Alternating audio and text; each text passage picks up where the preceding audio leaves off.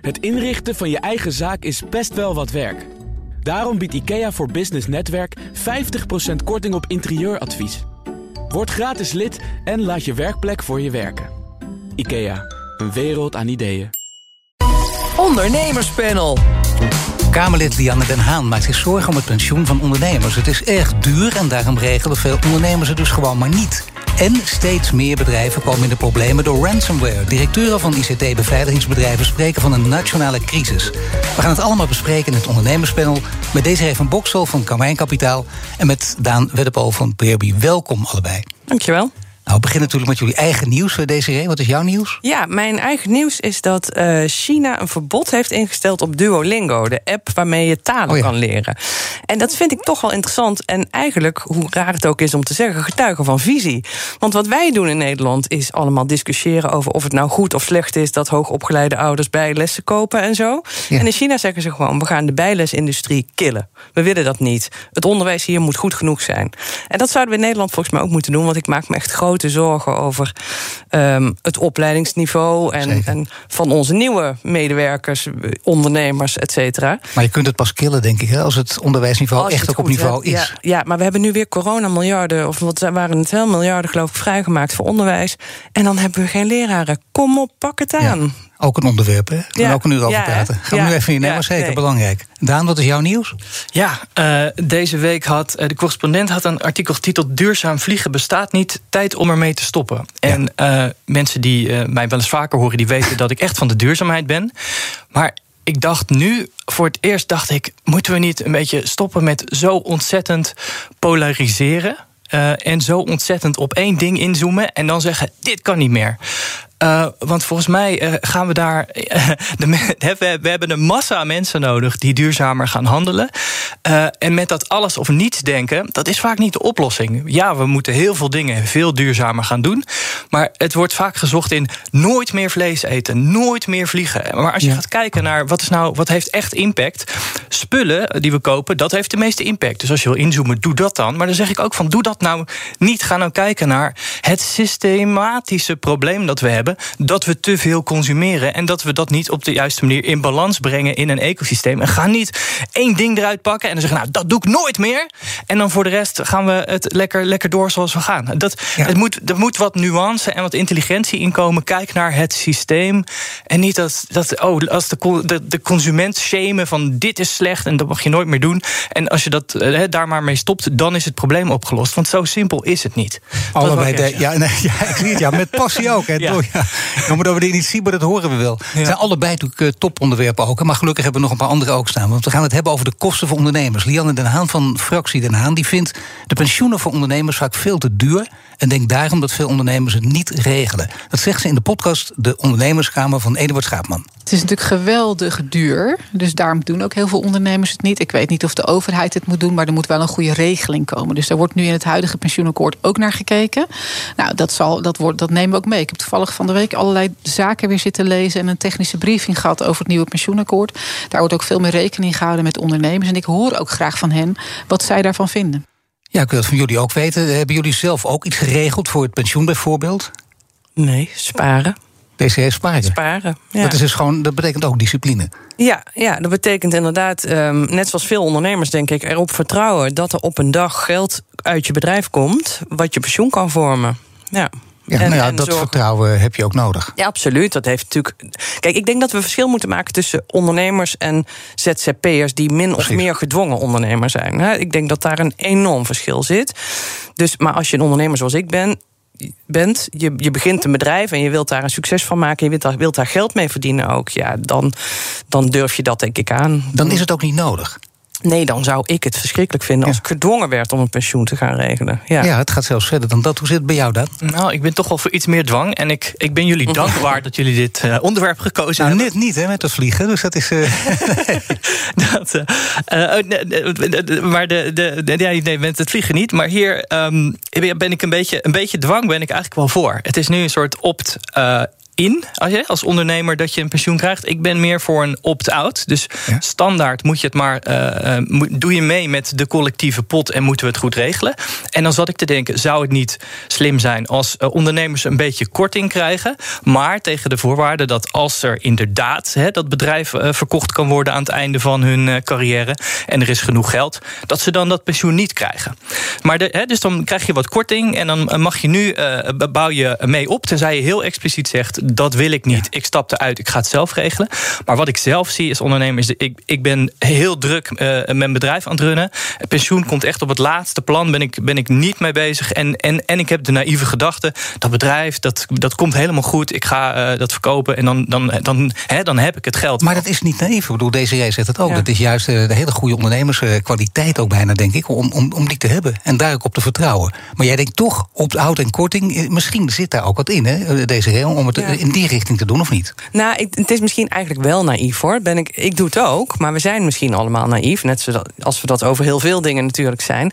En ik denk wel dat je gelijk hebt dat er zijn natuurlijk ontzettend veel um, middenstanders, weet ik veel wat, die, die, misschien dat, die dat misschien ook denken, maar dan verandert de wereld en dan kan het ineens niet meer. Ja. Dus ja, dat er iets collectiefs geregeld moet worden. Maar ik ben dan toch te liberaal om te denken aan dwang als ondernemer. Dat, nou ja, dat is het lastige, want dan ben je ondernemer en dan krijg je opeens met regeltjes te maken. Je bent misschien ook juist ondernemer geworden om daar alsjeblieft van verlost te raken. Ik ken bijna geen ondernemer die zegt heerlijk een regel. Je bent bezig met ondernemen. Ja, het is een enorme open deur, maar dat, dat is ook de praktijk. Regels zijn niet leuk, maar er zijn bepaalde collectieve voorzieningen waar, waarbij het gewoon handiger is als je dat met elkaar doet. Kijk naar uh, ziektekostenverzekeringen in de VS, hè, waar het je eigen vrije keuze is, en een ziektekostenverzekering hier. Hier, we betalen een fractie van de Amerikanen en we hebben betere zorg en, en iedereen heeft een normaal leven. En daar betalen de mensen die wel zo'n verzekering hebben, betalen zich helemaal blauw. De zorg is slecht en er zijn hele grote groepen die geen zorg krijgen. Dan is het toch rationeel om te zeggen: dan regelen we dat met elkaar. Dat er een soort basisveiligheid is. En alles daarboven mag je zelf kiezen. En als je er echt uit wil stappen, nou vooruit dan misschien ook nog wel. Maar, maar laten we de standaard maken dat je, dat je meedoet. Maar dat gaat toch ook wel ten koste van investeringen, ben ik bang. Want als je een ondernemer bent die het gewoon wel al geregeld heeft. en je moet collectief verplicht toch meedoen. heb je gewoon minder geld om andere mensen aan te nemen. om, om te investeren in je bedrijf, et cetera. Dus ik zou daar toch iets genuanceerder tegenaan willen kijken. Ja, ja, maar gaat het een verschil maken, die ja, pensioenpot? Ja, ik weet het niet. Ja, het is duur, hè? Het is heel duur. Ja, ja nu wel. Omdat we het niet collectief doen. We hebben het nog niet eens gehad over die arbeidsongeschiktheidsverzekeringen. Dat is misschien wel de grootste hobbel die te nemen is. En de bestuurlijke aansprakelijkheidsverzekeringen, die zijn ook heel duur. Even weer Lianne Den Haan. Als je ook kijkt naar arbeidsongeschiktheidsverzekeringen... die buitengewoon duur zijn, waardoor heel veel ondernemers... ze uiteindelijk aansprakelijkheidsverzekering? Dat, ja, waardoor ondernemers ze uiteindelijk niet uh, afsluiten. Ja, en dus een groot risico lopen. En uiteindelijk van de regen in de drup raken. En dan toch ook weer gewoon op kosten van de overheid komen. Dus ik denk, broekzak, vestzak. Regel het aan de voorkant goed. In plaats van dat je aan de achterkant een noodverbandje moet leggen. Ja, Lianne Den Haan nog een beetje Eduard Schaapman. Uh, ja, daardoor sluiten ondernemers dus het niet aflopen ze grote risico's. Wat zijn die risico's? Wat zijn die risico's? Ja, dat je, dat je nauwelijks uh, uh, wat te makken hebt als je een, een ongeluk krijgt als ondernemer. Um, als bestuurdersaansprakelijkheid. Ja, dat, dat, dat je flink, uh, flink aansprakelijk gesteld kan worden voor, voor, voor vergissingen die je maakt. Ja, ja toch ken ik wel heel veel mensen, heel veel ondernemers die dit echt een hobbel vinden, omdat het enorm duur is. Ja, ja ik ook. Ik ben uh, uit mijn arbeidsongeschiktheidsverzekering gestapt, omdat het echt, het was niet, uh, niet te doen. Het, was, het kostte me een fortuin. Dus ja, het is een, het is een risico, maar ik, ik neem dat nu. Uh, ja, ik, ga, ik, kan, ik kan mezelf verhalen, maar ook hier vind ik weer collectief verzekeren. Het is toch echt handig met verzekeren. Maar dan zou het wel tegen een normale prijs moeten kunnen, want het is nu voor ondernemers zo belachelijk duur dat je je afvraagt waarom dat is. Want als we gewoon mee kunnen in de werknemers ondernemersverzekeringen, prima. Ja. dan is dat acceptabel. Precies. Ja, ja dat is inderdaad uh, gek dat het zo duur is. Als dat de grote hobbel is. Maar wat zou je aan kunnen doen? Moet je gaan lobbyen? Met z'n allen? Moet je met z'n allen de straat op? Dat gebeurt nooit met ondernemers. Dat kan ook niet, denk ik. Ja, grappige nee. ondernemersdemonstratie. Ja, nee, de, eerste, de eerste ter wereld ook, ja. Maar heb je wel die regeling, hè? Dat is, en dat is, ik, vind ook, ik weet niet wat jullie daarvan vinden, maar ik zal even, ik heb het voor mij precies de cijfers. Ook bij een inkomen van 37.000 euro scheelt het 70 euro per maand per werknemer.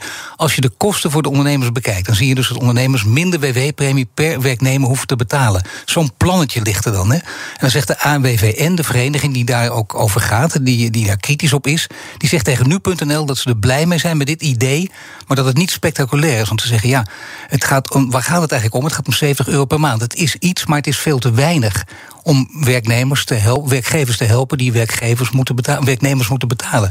Vinden jullie dat een reëel bedrag, die, die laten zeggen 800 euro per jaar? Of is dit gewoon niet serieus te nemen? En als je dit doet, zet er dan meteen een nulletje achter. Ja, dit is een voorbeeld. Dit vind ik echt signaalpolitiek. Dit is wat, wat geld wat in corona is vrijgemaakt voor ondernemers. Om, om hun, hun verzekeringen of hun, uh, hun lasten wat te verlagen. Ja, 70 euro per persoon. Dat is natuurlijk minimaal. En dan ook nog maar voor zes maanden, hè? of nog niet eens zes ja, maanden. Ja, dat is ook dus zo. Tot het eind van het jaar. Het over, en volgens mij kost het je als ondernemer meer geld om je administratie hierop aan te passen. Dan nee, maar je moet dus niet de straat op. Dat, dat is gewoon een grap bijna. Maar je kunt wel denken, Den Haag wil, moet weten hoe dit zit. Ga met ondernemers zelf praten. In die zin moet er een serieuze lobby op gang komen. Hebben jullie dat ooit zelf meegemaakt? Of kennen jullie mensen die, die echt serieus die lobby kunnen aangaan? Nou ja, ik probeer het zelf wel eens te doen als, als ik de kans krijg om, uh, te praten met iemand in de, in de politiek. Maar de, ik moet ook zeggen, volgens mij zijn heel veel ondernemers uh, net iets te eigenwijs. En inderdaad, die hebben ze. Ik, er heerst een soort idee over vrijheid. Dat vrijheid betekent: ik mag altijd alles zelf kiezen. En uh, in, in het Engels heb je twee woorden: hè. je hebt freedom en je hebt liberty. En uh, liberty betekent het, het type vrijheid waarbij je kijkt tot waar kan mijn vrijheid gaan en wanneer begint het die, de vrijheid van een ander aan te tasten. En ik heb het idee dat we dat type vrijheid helemaal vergeten zijn. Dat, daar, dat, er een, dat we een samenleving zijn. En dat we een soort Amerikaans western, western idee hebben gekregen van wat vrijheid is. Namelijk, ik kan alles doen wat ik wil en, en alleen dan is het goed. Ja. En volgens mij, zo, zo, zo, wil ik niet leven. Ik wil ook samenleven. En dat, dat, dus ook als ondernemer wil ik dat we wel een basisvangnet hebben. En dat we wel een, een, ook collectief met elkaar dingen kunnen afspreken. Freedom and liberty, het is een heel mooie. Die, die onthouden, deze reden is een hele sterke. Nou, het is ook. BNR Nieuwsradio. Paul van Liemt. We zitten midden in het ondernemerspanel vandaag met deze van Boksel van Kamijn Kapitaal en Daan Weddepool van Peerby. We gaan het hebben over cyberveiligheid. Want de drie grootste cybersecurity bedrijven van Nederland die luiden de noodklok. Ze kunnen het werk niet meer aan. Nu steeds meer bedrijven worden getroffen door gijzelsoftware. En de directeuren van de ICT-beveiligers spreken van een nationale crisis. En ze roepen de overheid op om in te grijpen. Onder wie Ronald Prins van Hunt Hackett. Het is zo erg dat, uh, dat wij alle drie regelmatig klanten moeten afwijzen. Dat zijn er toch wel vaak hele grote instellingen die uh, plat liggen omdat ze geraakt zijn door ransomware. En er niks anders op zit dan een hele ICT opnieuw op te bouwen. En uh, ja, wij zien dat eigenlijk alleen maar groeien. Kijk, en klanten die wij helpen, die wel preventief kunnen helpen met allerlei beveiligingsmiddelen, die zullen er dan van ontspringen. Dan zie je ook dat die, dat die ransomware aanvallers die gaan dan zeg maar, door naar de buren. Die gaan niet bij die bedrijven in, inbreken. Maar uiteindelijk zijn er te weinig securitybedrijven om alle uh, potentiële slachtoffers in Nederland te helpen. En ja, wat je ziet is dat dit, wat een, wat NCTV zelf ook zegt, dat dit gaat naar uh, een, een, iets, een crisis van nationale veiligheid. Dat we de uh, vitale systemen ook echt geraakt kunnen worden. Nou ja, Ronald Prins, ook een grote speler op dit terrein. Iemand die, die, die van wanten weet. Uh, duidelijk, hè, cyberveiligheid wordt steeds belangrijker. Maar het leuke, deze, jij bent er op, op ja, een zeer speciale manier ook mee bezig. Ja, precies. Zelf. Ja, want ik ben uh, particulier onderzoeker, zoals dat officieel heet. En dat is in andere woorden privédetective. Ja, dat dus, klinkt veel dat. Is, ja, het klinkt veel leuker. En dat is eigenlijk gewoon uit de hobby ooit ontstaan, omdat ik het leuk vond. Maar opvallend dat in die hele opleiding die ik daarvoor heb gedaan, dat het eigenlijk altijd gaat om wat doe je als bedrijf als er uit de kassa wordt gestolen of als de kaas uit de vrachtwagen wordt gestolen. En heel weinig over cyber. Ja. Heel ik denk, ik, ik zou wel willen dat we dat woord cyber vervangen door iets anders. Want ik denk dat onze naïviteit en onze kop in het zand houding, want dat is het denk ik voor een deel, komt ook door dat woord cyber. Dat komt van cyberspace, dat is science fiction. Laten we gewoon digitale fraude of zo het noemen, hè? zoiets dergelijks. Is veel toegankelijker, denk ja, ik. Nee, dat lijkt me een hele goeie. Maar het is ook heel vreemd dat er nog steeds op die ouderwetse manier gekeken wordt. Ja. Een greep uit Ja. de kas. Of nog steeds wordt er als voorbeeld inderdaad vaak gegeven door mensen mensen in die sector... Uh, hoeveel potloden neem je mee op je bedrijf? Ja. Maar daar gaat het inderdaad niet om. Nee, daar gaat het helemaal Maar het is wel een groot verhaal. Het is wel een groot verhaal waar veel mensen last van hebben. Ik denk dat het een enorme eh, drama is wat op ons af gaat komen, inderdaad. En ik moet heel eerlijk zeggen, we zijn echt naïef allemaal. Ook ik. Wij doen eh, bij Carmijn bijvoorbeeld geen due diligence, geen digitale due diligence op bedrijven. En dat betekent dat we bijvoorbeeld niet eens laten onderzoeken of data van de bedrijven waarin wij investeren, of die op het dark of het deep web te vinden zijn. En dat is vaak gewoon Dat is het. Dat dark Ja. web is inderdaad veel te Ja. vinden. Ja, dan, dat is, ben jij ook op dat gebied nog naïef of in een beginnend stadium? Ik ben, ik ben heel vaak bang dat ik naïef ben. Want dan denk ik eerst, oh, het- volgens mij hebben wij dit op orde. En dan denk ik, ja, maar dat denkt iedereen volgens mij. Dus hebben we het wel op orde. En ik, ik probeer één keer in de zoveel tijd eh, met mijn team samen te gaan zitten. En dan te zeggen, wat zijn nou onze zwakste punten op dit moment? En dan. Dan, dan prioriteren we datgene wat er bovenaan de lijst komt. En dan proberen we dat op te lossen. Dus wat we onlangs gedaan hebben is. eh, wij zagen dat een van onze belangrijkste eh, databases. dat zowel de backup als die database zelf bij dezelfde eh, provider draaiden. En toen dachten wij opeens van ja, maar als die provider er helemaal uit ligt. of gehackt wordt of ransomware heeft. hoe komen wij dan nog bij onze data? Dus we hebben dat nu nou ja, elders gestald ook. En, en Maar, maar hoe dan? Elders gesteld? ja, dus we, eh, nou ja, dat heeft eh, onze, onze eh, de CTO heeft een mooi script geschreven. wat dat één keer per dag allemaal uit, eruit trekt. of één keer per nacht. en dan ergens anders opslaat. Ja.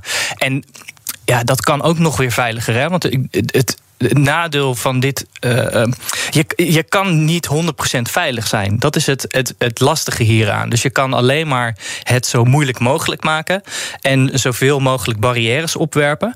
Maar je, je kan niet 100% waterdicht zijn. Er is altijd ergens een manier waarop mensen kunnen binnenkomen. En dat maakt dit ook zo lastig. Dus eh, iemand hoeft maar één gat te vinden in je beveiliging. Maar jij moet duizend gaten constant proberen te dichten. Want er is, constant is er weer een, een, een nieuwe eh, kwetsbaarheid in software die ontstaat. En dat moet je patchen. Ehm, dus er is, ja, zijn heel veel mogelijkheden om aan te vallen. En jij moet dat allemaal bijhouden. En, en die aanvaller, ja, die hoeft er maar eentje te vinden. En, eh, en het is gedaan. Ja, tuurlijk. Maar bij jullie is in ieder geval het bewustzijn eh, op orde. Hè, dat, dat het echt iets serieus is. Het wordt ook door sommige ondernemers nog steeds weggelachen. Of het, het is toch gedoe. Het kost veel tijd, het kost ook veel geld. Maar ja, gijzelsoftware. Het gaat we moeten de urgentie voelen. Hè, dat merken we altijd. Nou, dat merken we toch ook. Er zijn nu veel voorbeelden bekend. Om de zoveel tijd wordt er iemand getroffen. En dan zit je met de, met de hand in de haren. Moet je ook eisen gaan stellen aan je relaties, aan je werknemers? понимаешь? Aan je klanten deze Of gaat dat te ver? Nou ja, ik denk eigenlijk wel dat we. We hebben veel meer preventie nodig. Dat is denk ik ook wat jullie doen. Je moet voorkomen dat er ingegrepen wordt. En ik denk dat we daar aan de aanbodkant gewoon nog heel weinig hebben. De bedrijven die hier ook in, eh, in dit artikel staan, die zijn heel erg druk met het oplossen van inbraken. Dus eh, preventie, daar is, hij nog nauwelijks, daar is nog nauwelijks aanbod in. En daar moeten we denk ik wel veel harder in gaan sturen. En de overheid door die awareness veel groter te maken. Maar ook, het zou ook goed zijn als we wat meer handvatten krijgen. Zeker voor MKB-bedrijven. Wat kan je dan doen? Want ga maar eens zoeken in je eentje wat je moet gaan doen. Ja, dan ga je denken aan ethische hackers of zo inhuren. Maar dat is vaak eenmalig. Dus het, is ook gewoon kennis opbouwen, denk ik. Ja, ethisch hackers inhuren, dat zou je natuurlijk ook. eh, Daar kun je een abonnementje opnemen. Hè? Bijvoorbeeld Ja, eh, dat je zegt eens in de maand kom even Ja. langs. Dat zijn wel mogelijkheden. Maar dat weten wij. Maar weet je dat. We zitten hier in Amsterdam eh, met een hoop venture capital of Ja. ventures. Maar weet iedereen dat op elk industrieterrein in Oost-Groningen. Weet je, is, Nee, dat is die kennis er? Ja. Ja, dat is waar. Nou ja, die kennis kan er zijn omdat directeuren van die grote ICT-beveiligingsbedrijven... die hebben het over nationale crisis. Ik Ja. bedoel, dat is zo'n woord neem je dan niet snel in de mond. Zij ook niet. Dat- Daar hebben ze het nu al over. Dus ja, dan, meer dan dat kun je niet doen. Ja. Ik zou geen grotere woorden meer weten eigenlijk als je dit, eh, dit zegt. Als je zegt dat het infrastructuur is, dan zou je natuurlijk best kunnen, kunnen begrijpen dat, er, dat de overheid daar inderdaad eisen aan stelt. Hè. Als het, het, is, het is cruciale infrastructuur, ons internet. Ehm, en als wij onze economie overeind willen houden, ja, dan zou je daar eisen aan kunnen gaan stellen. Hoe mag je, dat, hoe mag je, dat, hoe mag je die structuur gebruiken, die infrastructuur? Maar ja, dan ben je weer ondernemer en dan denk ik... ik wil helemaal niet dat eisen Nee. worden gesteld. Daar heb ik helemaal geen zin in. Ik wil ook niets met de overheid... liefst zo min Ja. mogelijk met de overheid te maken hebben. Maar hier zijn we dan misschien echt wel een beetje naïef als ondernemers. Ja, de, ik, volgens mij zijn we er, er, er nu al veel te laat mee. En ik hoop dat het nog gaat, gaat komen dat we eh, het internet ook gaan zien als eh, het de publieke ruimte. En eh, Ja. het is, het is, omdat, het, omdat het niet tastbaar is, is het eigenlijk maar een heel klein deeltje van onze belevingswereld. Hè. En zien we die wereld waarin, de fysieke wereld, waarin er politie is en opsporing en noem maar op. Dat, dat, is, een, hè, dat is een belangrijk ding in onze belevenis. Terwijl die, die cyberwereld, hè, de digitale wereld, Ja. die is inmiddels ik weet niet, die is misschien wel groter eh, als, als publieke ruimte dan die fysieke wereld. En zo moeten we er ook naar gaan kijken. Volgens mij moet de overheid er zo naar gaan kijken, moet de politie er zo naar gaan kijken. Het is een onderdeel van het leven. En daar moet ook ja, heel veel energie ingestoken worden om dat, om dat veilig te houden voor iedereen. We gaan nu kijken naar het telecombedrijf Delta. Dat gaat de concurrentie aan met grootmachten KPN en met Ziggo op het glasvezelnetwerk. Het kabelbedrijf wil in 2025 een kwart van het totale aantal huishoudens dat is aangesloten op internet abonnee hebben. En Delta heeft nu een lening van 2 miljard gekregen. Ja, misschien om daarmee te beginnen, want dat vind ik wel mooi. Dan denk je 2 miljard, hè, ook weer naïef, enorm bedrag. Maar dat schijnt niet eens zoveel te zijn, eh, deze Als je goed kijkt naar de constructie. Nee, dat zou heel goed kunnen. Maar daar, daar weet ik eerlijk gezegd niet heel veel van hoeveel dat is in deze. Maar ik ga ervan uit, uh, Delta is eigendom van EQT, hè, EQT, een uh, investeerder, grote investeerder met hele diepe zakken.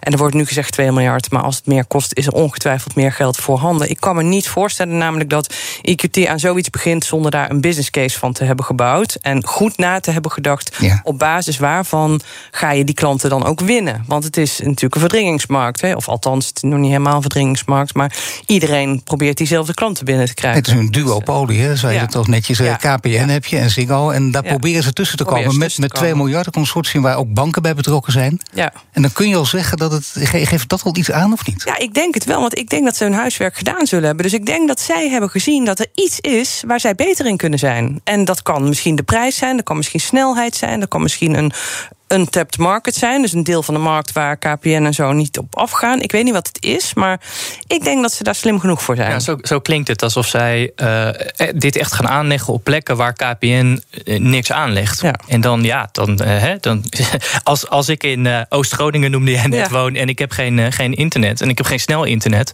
dan, dan neem ik een abonnement.